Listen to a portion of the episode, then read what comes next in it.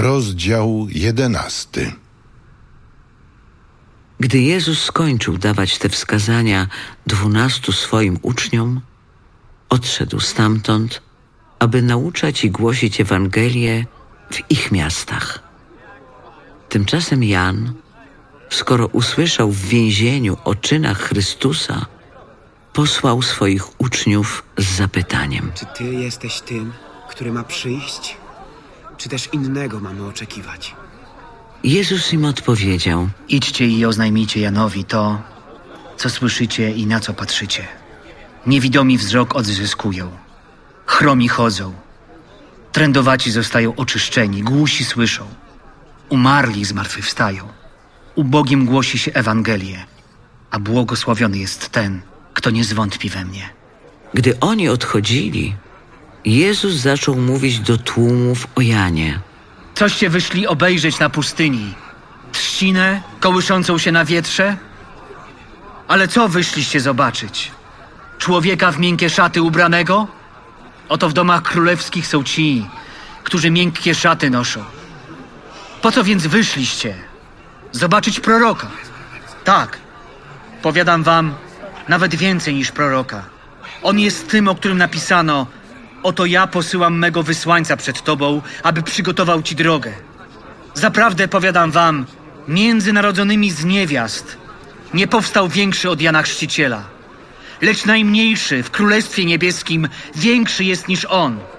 A od czasu Jana Chrzciciela aż dotąd Królestwo Niebieskie doznaje gwałtu, a zdobywają je ludzie gwałtowni.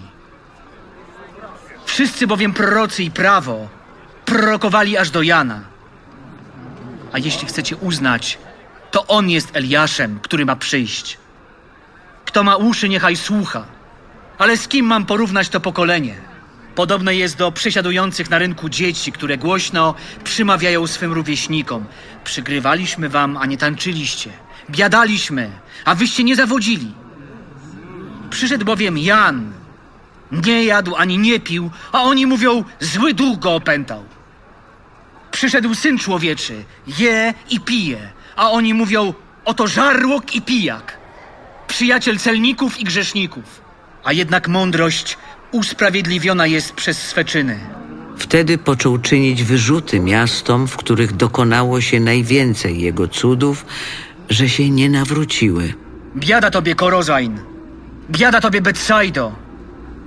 Bo gdyby w Tyrze i Sydonie działy się cuda, które u was się dokonały, już dawno w worze i w popiele by się nawróciły. To też powiadam wam, Tyrowi i Sydonowi lżej będzie w dzień sądu niż wam. A ty, Kafarnaum, czy aż do nieba masz być wyniesiony? Aż do otchłani zejdziesz. Bo gdyby w Sodomie działy się cuda, które się w tobie dokonały, przetrwałyby aż do dnia dzisiejszego. To też powiadam wam, ziemi sodomskiej lżej będzie w dzień sądu niż tobie. Owym czasie Jezus przemówił tymi słowami.